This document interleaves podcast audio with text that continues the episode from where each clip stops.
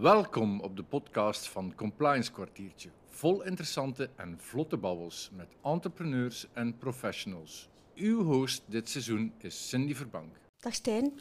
Dag Cindy. Goedemiddag. Goedemiddag. Dankjewel om in te gaan op de uitnodiging. We gaan het vandaag hebben over sustainability, duurzaamheid. Er is heel veel rond te doen. En jij staat eigenlijk met jouw eigen bedrijf al jaren in het veld. Kan je daar eens iets meer over vertellen? Jazeker. Sustainability, dat wordt meer en meer vanuit aandeelhouders gevraagd om het structureel aan te pakken. Ja, dat het niet enkel is, we doen het voor het milieu, we doen het enkel voor de maatschappij. Het wordt meer en meer als een nieuwe normaal beschouwd. Bij veel bedrijven is het nog ook van, van moeten. Het wordt verwacht van de klant, het moet van de wetgeving, het wordt gedaan in de sector, dus we volgen maar mee. Maar meer en meer wordt dat toch gezien als een deel van het DNA. Dat is toch een evolutie die we, die we merken.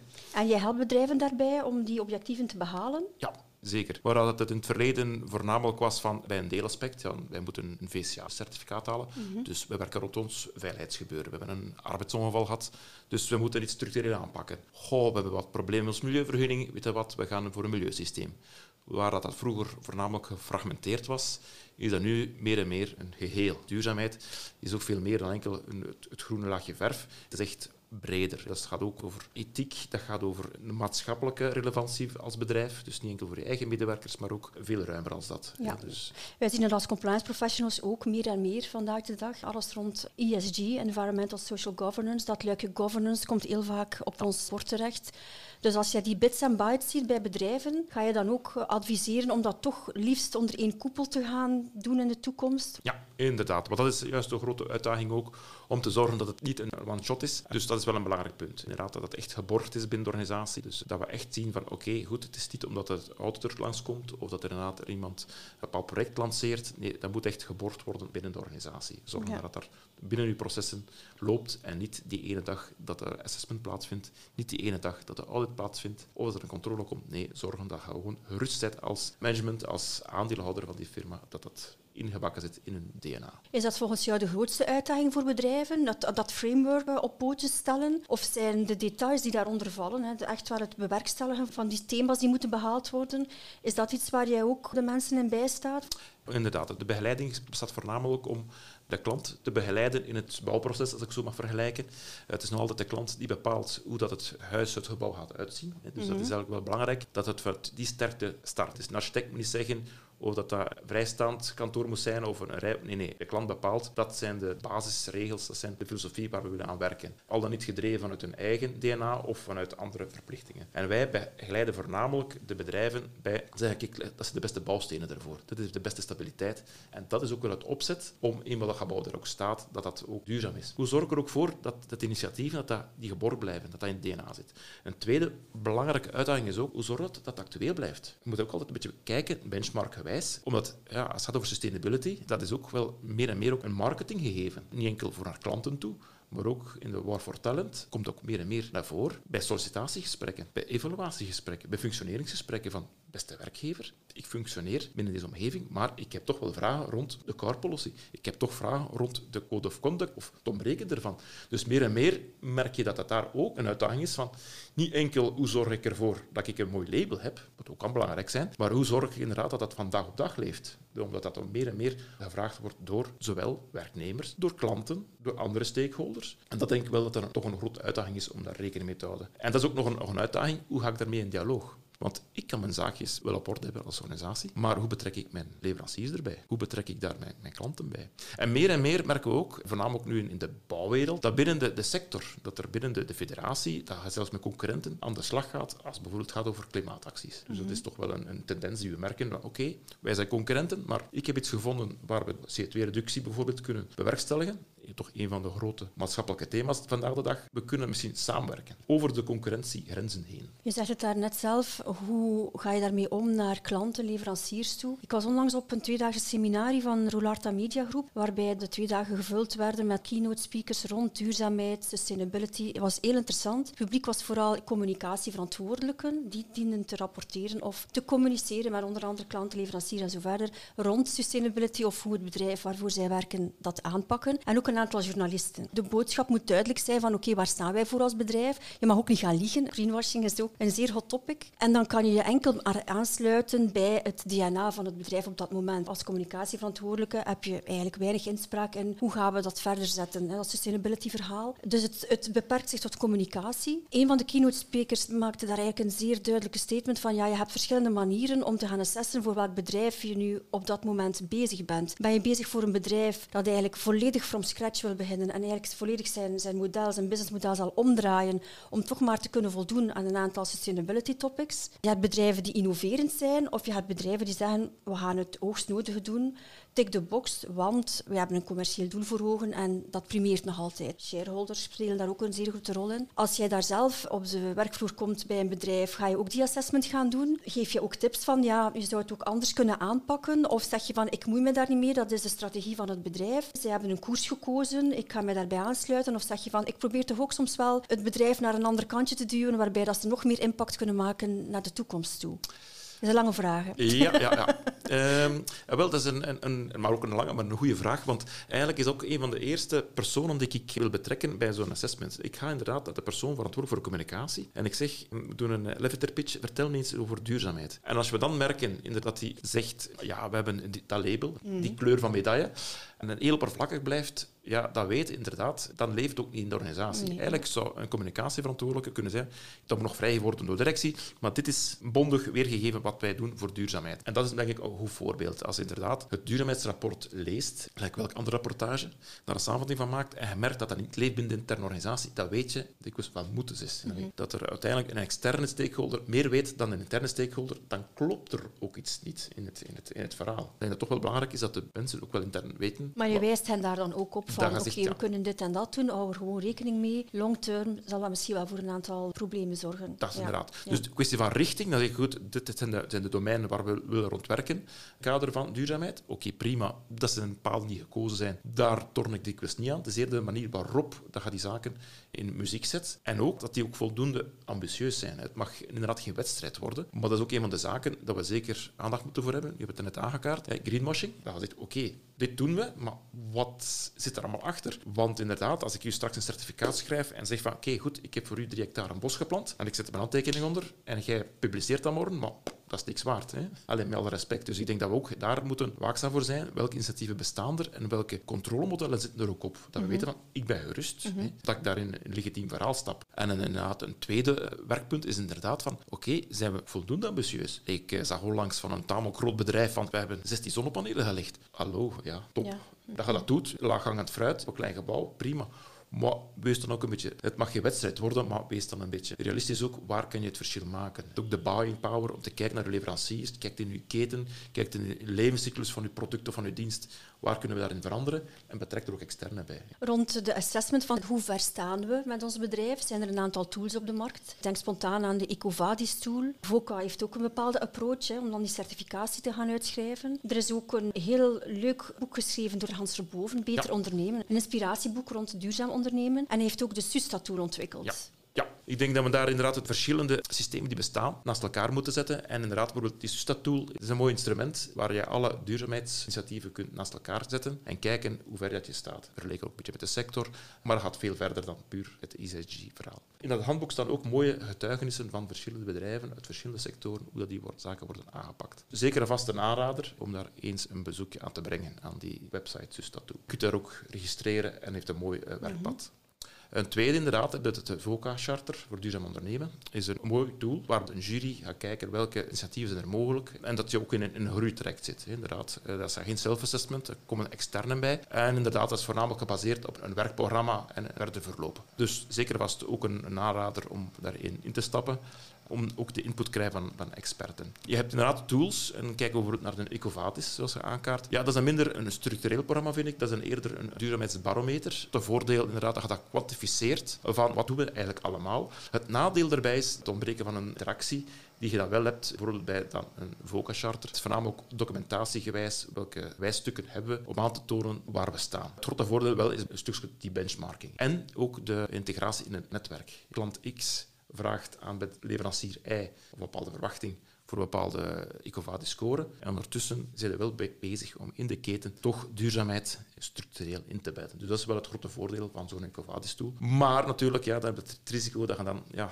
eerder samenrappen doen elk allemaal. En dan je de jaarlijkse oefening hebt om alles te verzamelen en te kijken, ja, we willen stijgen, of we willen een ander kleurtje van medaille. Wij gaan nog wat extra zaken uit onze schuif gaan halen en dat dat dan niet goed voldoende Dat is inderdaad het gevaar ook. Dat de bedrijven er een competitie van maken van wie krijgt hier nu de hoogste medaille. Ja, enerzijds kan je er maar gebaat mee zijn, want dat betekent ook dat je heel veel initiatieven moet implementeren. Maar anderzijds mag dat niet de kern zijn van ja, doen en laten. Je moet echt wel aantonen dat je dat echt als bedrijf wilt. En dan is ook nog maar de vraag of dat ook duurzaam is op zich. Als compliance officer zijn wij meer betrokken bij, de, bij dat governance-luik, zoals ik al zei. Dus we hebben wel een, een beeld, een globaal beeld van wat er dan leeft voor de andere aspecten. Zijn er tools waarvan je zegt, dit is wel eentje die goed gekend is? Ik denk nog altijd inderdaad dat het het beste is van echt voor zelf de vast te leggen van welke uw werkpunten zijn. En dat daar willen we echt voor gaan. En inderdaad, al die tools hebben echt een, meerwaarde om te kijken, een stuk ofwel naar benchmarking toe, ofwel naar maturiteitsniveau toe. Inderdaad, Ecovadis kijkt vooral welke zijn initiatieven en hoe ver ga je erin. Als je kijkt van, bijvoorbeeld, je hebt een tool dat noemt MVO-prestatieladder, dat is dan voornamelijk voor het Nederland. Die kijkt dan minder naar wat je doet, maar hoe matuur dat je bent in de organisatie. Plannen, communiceren, connecteren. En dan, dat is dan een andere, een andere approach. Dus we kunnen alle twee op dezelfde ladder staan, maar toch veel minder ambitieus zijn. Dat is geen probleem. Maar bij Ecovadis dan natuurlijk wel een onderscheidend vermogen hebt. Dus ik denk dat dat wel belangrijk is als je echt zegt van een tool, alles binnen hun waarde te laten. Tijdens een benchmark, maar het is niet op basis van een EcoVadis-score dat je je beleid gaat bepalen. En ik denk dat dat wel belangrijk is en dat gaat ook niet laten demotiveren. Ik vergelijk het altijd met je traint voor de Olympische Spelen. Je bent twee seconden sneller dan de vorige keer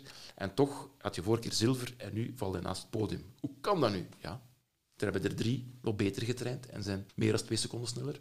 Maar dat wil toch niet zeggen dat je niet goed bezig bent. En dat denk ik dat wel belangrijk is. Je hebt een keuze gemaakt voor je impact op maatschappij te verbeteren volgens je eigen DNA. Wel, doe dat. Gebruik die tools om een stukje te benchmarken, om inspiratie op te doen. Een mooi voorbeeld is inderdaad dat Focus Charter. Dat gaat zegt van, ja, zowel tijdens die assessments als bij de prijsuitreiking. Het is daar trouwens ook dat ik Hans Verboven heb leren kennen op zo'n VOCA-charter. Dan doe je inspiratie op. En dat is wat we moeten hebben. Dat we niet enkel kijken naar zaken die voor de hand liggen. Dat we ook niet enkel kijken, spreek ik tegen mijn eigen winkel, wat de consultants vertellen. Maar ook gaan spreken met sectorgenoten of zelfs buren. Ik ken bedrijven die zeggen, van, kijk luister, laten we het samenleggen. Wij zelf allemaal, nou, kwestie van zonnepanelen zijn ons maximum. Maar die nu bezig zijn, ja, ze hebben een, een grote bluswatervijver. Tegenwoordig van die drijvende zonnepanelen. Dat zijn van die ideeën, dat zegt wij als bedrijf alleen niet, maar gaat in, in connectie met andere bedrijven binnen de sector, binnen uw perimeter, de fysieke perimeter, binnen uw, uw keten, leveranciers, klanten, concurrenten, waarom niet?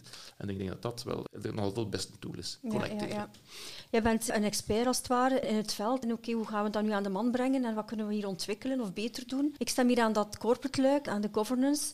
Hoe kijken jullie daar naartoe? Vinden jullie dat even belangrijk? Moet het daarmee starten? Moet het daarmee eindigen? Of hoe zien jullie dan als mannen in het veld? Hoe kijken jullie naar dat governance-luik? Het zijn drie parallele circuits. We leggen met de drie baanvakken op de snelweg ESG. En uiteindelijk zijn die drie dingen die ook in hand in hand gaan. Je hebt ze alle drie nodig. En ik denk niet dat er dan ook een prioriteit is. Dat geven we ook terug aan. Dus ook een kwestie van de domeinen. Want om het aan te pakken, dat ik, je kan er geen achterwege laten. En dat is trouwens ook een dikwijls een misvatting. Als het gaat over duurzaamheid, mhm. dan kom je bij klanten die hebben dan een mooie waslijst voorbereid. Dat is puur milieu. Ik zeg, dat is, dat is fijn, dat is, dat een goede start, maar ja, het zijn toch zaken die ook in hand in hand gaan. Ook dat, dat, dat social maakt er gewoon integraal deel van uit. En ik denk dat dat toch wel een belangrijk punt is, dat we dat ook een stukje meenemen naar dat verhaal, dat die zaken in, in balans blijven. En dat het niet is, en dat is iets waar we zeker vast waakzaam moeten voor zijn, dat tweede of derde viool speelt. En dat is bijvoorbeeld wat ik soms zie bij een Nicovadis-score, dat gaat echt van 80, 90 procent voor milieu en dan met de hakken over het sloot voor, voor de andere drie domeinen. Dat, ja, goed, of vinden we minder belangrijk? Ja, mhm. oké, de, score is nog altijd op het einde van de rit 60 procent. Allee, prima voor die klant, nee, het moet hand in hand gaan. Als hij een beetje logisch nadenkt, inderdaad, kunnen moeilijk zijn. Ja, wij zijn een groen-groen bedrijf en daartussen andere zaken gewoon zijn. Ja, daar leggen we prioriteit aan. Dat moet echt wel. Het een kan niet zonder het andere. Ik denk inderdaad dat je een beetje serieus opneemt. Hoe ga je ermee om als het kan tegenzitten bij een klant? Dat je zegt van oké, dit en dit zijn potentiële zaken die we kunnen doen, die niet zo heel veel inzet vergen of budget. Maar dat uw klant toch zegt van ja, nee, ik zie dat niet zitten, dat is toch net iets te veel. Of we zien het niet, we zien het gewoonweg niet. Hoe ga je daarmee om als consultant op dat vlak? Nou, wel, ik denk dat het heel belangrijk is, kwestie van de drijfveer. Eh, mijn kinderen weten het ook, als ze de vraag stellen waarom, zal ik nooit antwoorden daarom. Effectief, ik denk dat het heel belangrijk is, als je bepaalde initiatieven of stappen zegt van we zien het niet zitten, dan vraag ik altijd, ja, wat is de, de drempel? Wat is de inhibitor? Wat zorgt ervoor dat zegt, is dat, is dat pleinvrees? Is dat schrik voor budgetoverschrijding? Is dat, is dat wat dat niet past bij uw, uw tuur? Oké, dan kan ik een keer horen van, oké, hoe komt Daar kan ik nog in leven. Maar kwestie naar het budget toe, dat is dan weer een uitvoering. Ja, je kunt die stap zetten dan via een andere configuratie. Maar ik denk dat wel belangrijk is, als bepaalde stappen niet gezet worden. Ten eerste, als het van moeten is, ja, dan, als het wettelijk bepaald is, dan kunnen we ook niet anders. Als het een eis van de klant. Maar het zijn dikwijls zaken, andere zaken, die ertoe leiden dat bepaalde stappen niet gezet worden. En dan gaan we gewoon kijken, wat ligt er aan de, aan de basis? En dikwijls zijn dat gewoon verkeerd begrip van de actie zelf dan gaan we uiteraard zoeken naar alternatieven, maar we moeten wel een bepaald werkpunt blijven werken. Bepaalde twijfels rond een bepaald traject, dat kan zijn. We moeten wel die bestemming bereiken. En als je zegt, uh, ik heb schrik van de autosnelweg, ja, dan pakken we de secundaire baan. Geen probleem. Mm -hmm. Of op het openbaar vervoer, nog beter. Maar uiteindelijk moeten we wel op die bestemming terechtkomen. En dat, is, dat, dat is toch wel het opzet. Ja, klopt. Maar we zoeken altijd wel een oplossing. Dat is, mm -hmm. Daarvoor dienen de consultants en andere experten om ja. te helpen ja, bij de begeleiding. Zijn er een aantal misvattingen, denk je, in de wereld van sustainability die je de wereld uit wil helpen? Of bestaan die niet? Uh, ja, heel belangrijk is dat, dat, dat mensen de misvatting hebben inderdaad, dat, het, dat het opgelost is met ja, wat, wat groene initiatieven en wat goed, goede doelen steunen. En dat we daar dan zijn. Als je dan ook bijvoorbeeld aankaart, een code of contact, wat is er nu verkeerd met, met dus relaties schenken? Als je dan binnen kijk, luister, wat is uw filosofie er? Dat kan perfect. Als je daar een raamwerk in geeft, dan zegt oké, goed, het is compliant. Dat zijn soms wel hele huisjes. Ja. Ik zit voornamelijk in de bouwwereld. Ja, daar leeft dat nog. En daarnaast inderdaad dat dat heel dikwijls is van, ja, oké, goed, voor de maatschappij, ah, we steunen een goed doel, of we hebben een keer een actie gedaan, we hebben een keer de Rond de Neuzengedag of, of een ander initiatief gesteund. Ja, maar actief, hè, zorg dat dat beleefd wordt. En ik denk dat dat dikwijls een misvatting is ook van een eenmalige actie, ah, maar we hebben een keer... Dus als, als afsluiter besluiten we inderdaad dat het goed is om al bepaalde initiatieven te hebben die leven, ja. om die te bundelen en te zeggen, oké, okay, dit is ons startpunt, het is al iets, maar we moeten nog heel verder kijken, heel wat stappen zetten om toch te komen tot dat duurzaam beleid. En dan liefst onder begeleiding, omdat dat toch wel de mensen zijn die daar ook kaas van hebben gegeten en die ook de valkuilen kennen. Hè. Bijvoorbeeld greenwashing, ja. die er ook zullen op toezien dat dat toch niet gebeurt. Want vele mensen beseffen het ook niet, of bedrijven beseffen niet dat ze aan greenwashing doen. Zijn dat zaken waar je ook de klant durft op terecht te wijzen? Ja, dus ik denk dat dat ook heel belangrijk is. Dat is ook de plicht, omdat dat zegt ook naar governance, wees er waakzaam voor. Omdat minder bij andere domeinen, maar zeker bij de duurzaamheid, dat komt sowieso extern, wordt extern gecommuniceerd. Als ik bedrijven adviseer rond, rond milieu, prima, dat blijft dikwijls binnen kamers, tenzij dat er echt een uitschieter is. Maar als het over duurzaamheid, dat komt, wordt sowieso extern gecommuniceerd, dat wordt ermee uitgepakt, zou zijn. Ja, en dat moet echt wel zijn, maar oh, pas ermee op, want we moeten maar één keer wat research doen en zeggen van, zeg, wat stelde je daar naar voor? Dat is totaal niet legitiem. Ja, dan heb je wel een probleem. Het is rap gebeurd in het nieuwsfeit rond psychosociale risico's, onlangs wat nieuwsfeiten gehoord erover. Mm -hmm. Ja, kun je je voorstellen dat je dan twee weken ervoor groot uitpakt met een Happy People event. En twee weken later komt dit in het nieuws. Allee, de reputatieschade is toch enorm. Ik denk dat het wel belangrijk is dat je dat aanpakt. Maar past heel goed op met eerst goed nieuws show te brengen. Het moet niet altijd de underdog zijn. Laten we realistisch zijn. We kunnen verliezen, we kunnen winnen. Maar belangrijk is inderdaad dat je je focust en zorgt dat de zaken legitiem zijn. En ik had nog een kleine aanvulling als het gaat over uh, inspiratie op te doen. Uiteindelijk kijkt ook naar, naar je medewerkers. Bedrijven waarmee ik aan tafel mag gaan bij het, comité of met de syndicale afvaardiging, dan durf ik dat bij de variapunten wel eens bij mijn eerste vergadering vragen. Als er ideeën zijn rond dat thema, mensen staan ook in het werkveld. Het is niet enkel het management, het is niet enkel de directie die eigenlijk zegt van oké, dat is de richting waar we uitgaan. Voornamelijk als het gaat over initiatieven, wat kunnen wij doen rond duurzaamheid? Ja, er leeft toch ook wel met de mensen on the field. Had ik er horen? En soms zijn dat heel simpele zaken. Bedrijven hebben ook dikwijls een misvatting. Goh, we hebben dat een keer gedaan, fietsleasing, maar dat was toch geen succes. Ja, oké, okay, prima. En die was dat twee jaar geleden. En nu, ga ja, dat willen we nog een keer proberen. Laten we een keer horen. Dus ga luisteren, ook bij eigen medewerkers. Ik denk dat het ook wel nog een, belangrijk punt is, dat het niet enkel directies en de consultant, maar ook naar de mensen zelf in het terrein. Leuke insteek om je af te sluiten, Stijn. Dank je wel voor je komst. Graag gedaan.